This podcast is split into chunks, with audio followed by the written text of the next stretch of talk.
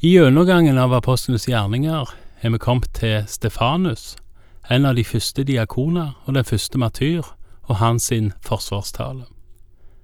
En forsvarstale som egentlig er en oppsummering av hele Israels frelseshistorie ifra Abraham, der et av de bærende elementene i Stefanus sin framstilling er jødene sin forkastelse av Guds profeter, og til slutt at de òg forkaster den Herre Jesus sjøl.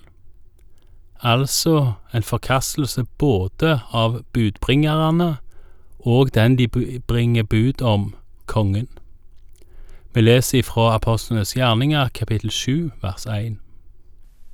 Øverstepresten spurte, Er dette sant? Og Stefanus svarte, Brødre og fedre, hør på meg.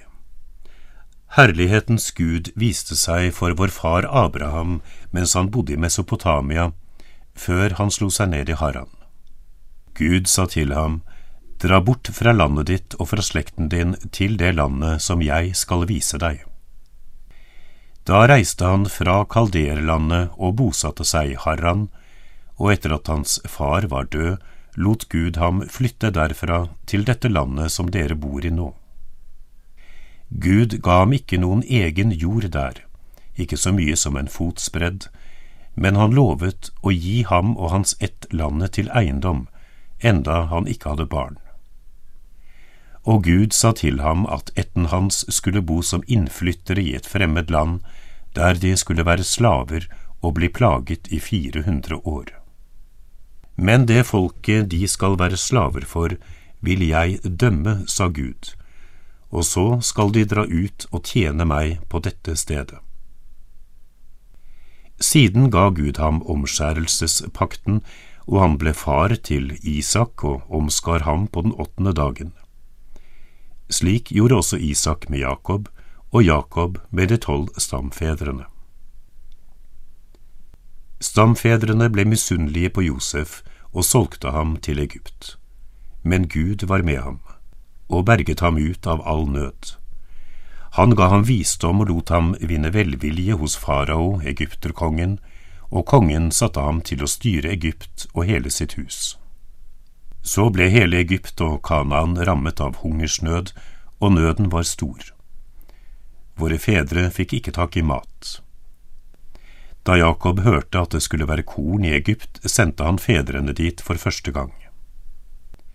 Andre gangen de kom, ga Josef seg til kjenne for brødrene sine, og farao fikk vite om slekten til Josef. Da sendte Josef bud og kalte til seg sin far Jakob og hele familien, 75 personer. Så reiste Jakob ned til Egypt, og der døde både han og fedrene våre. De ble ført til Sikhem og lagt i den graven Abraham hadde kjøpt av Hamors sønner i Sikhem og betalt med sølv. Tiden nærmet seg da Gud skulle innfri det løftet han hadde gitt Abraham. Folket hadde vokst og var blitt tallrikt i Egypt. Det sto fram en ny konge i Egypt, en som ikke visste om Josef. Han brukte list mot folket vårt, mishandlet fedrene våre og tvang dem til å sette ut spedbarna sine så de ikke skulle leve opp. På den tiden ble Moses født. Han var et vakkert barn i Guds øyne. Tre måneder ble han oppfostret i farens hus. Så ble han satt ut, men faraos datter fant ham og oppdro ham som sin egen sønn. Slik ble Moses opplært i all egyptisk visdom, og han var full av kraft i både ord og handling. Da han hadde fylt 40 år, fikk han inderlig lyst til å besøke sine landsmenn israelittene. Og da han så en som ble mishandlet, kom han mannen til hjelp. Han slo egypteren i hjel, så han som var blitt mishandlet, fikk sin rett. Han trodde at hans landsmenn skulle forstå at Gud ville bruke ham til å redde dem, men de skjønte det ikke. Neste dag støtte han på to menn som sloss. Han prøvde å forlike dem og sa, dere er jo brødre, hvordan kan dere gjøre ondt mot hverandre? Men han som hadde gjort urett mot sin neste, skubbet ham til side og sa, Hvem har satt deg til leder og dommer over oss? Tenker du kanskje å drepe meg slik du drepte egypteren i går? Disse ordene fikk Moses til å flykte, og han slo seg ned som innflytter i Midian. Der ble han far til to sønner. Da 40 år var gått, viste en engel seg for ham i ørkenen ved Sinai-fjellet, i flammen fra en brennende tornebusk. Moses så dette synet og undret seg. Da han gikk nærmere for å se etter, lød Herrens røst. Jeg er dine fedres Gud, Abrahams og Isaks og Jakobs Gud. Men Moses skalv av redsel og våget ikke å se opp. Da sa Herren til ham, Ta skoene av føttene, for det stedet du står på er hellig grunn. Jeg har sett hvordan folket mitt blir plaget i Egypt, og har hørt klagen deres. Jeg har steget ned for å fri dem ut. Gå nå, jeg sender deg til Egypt.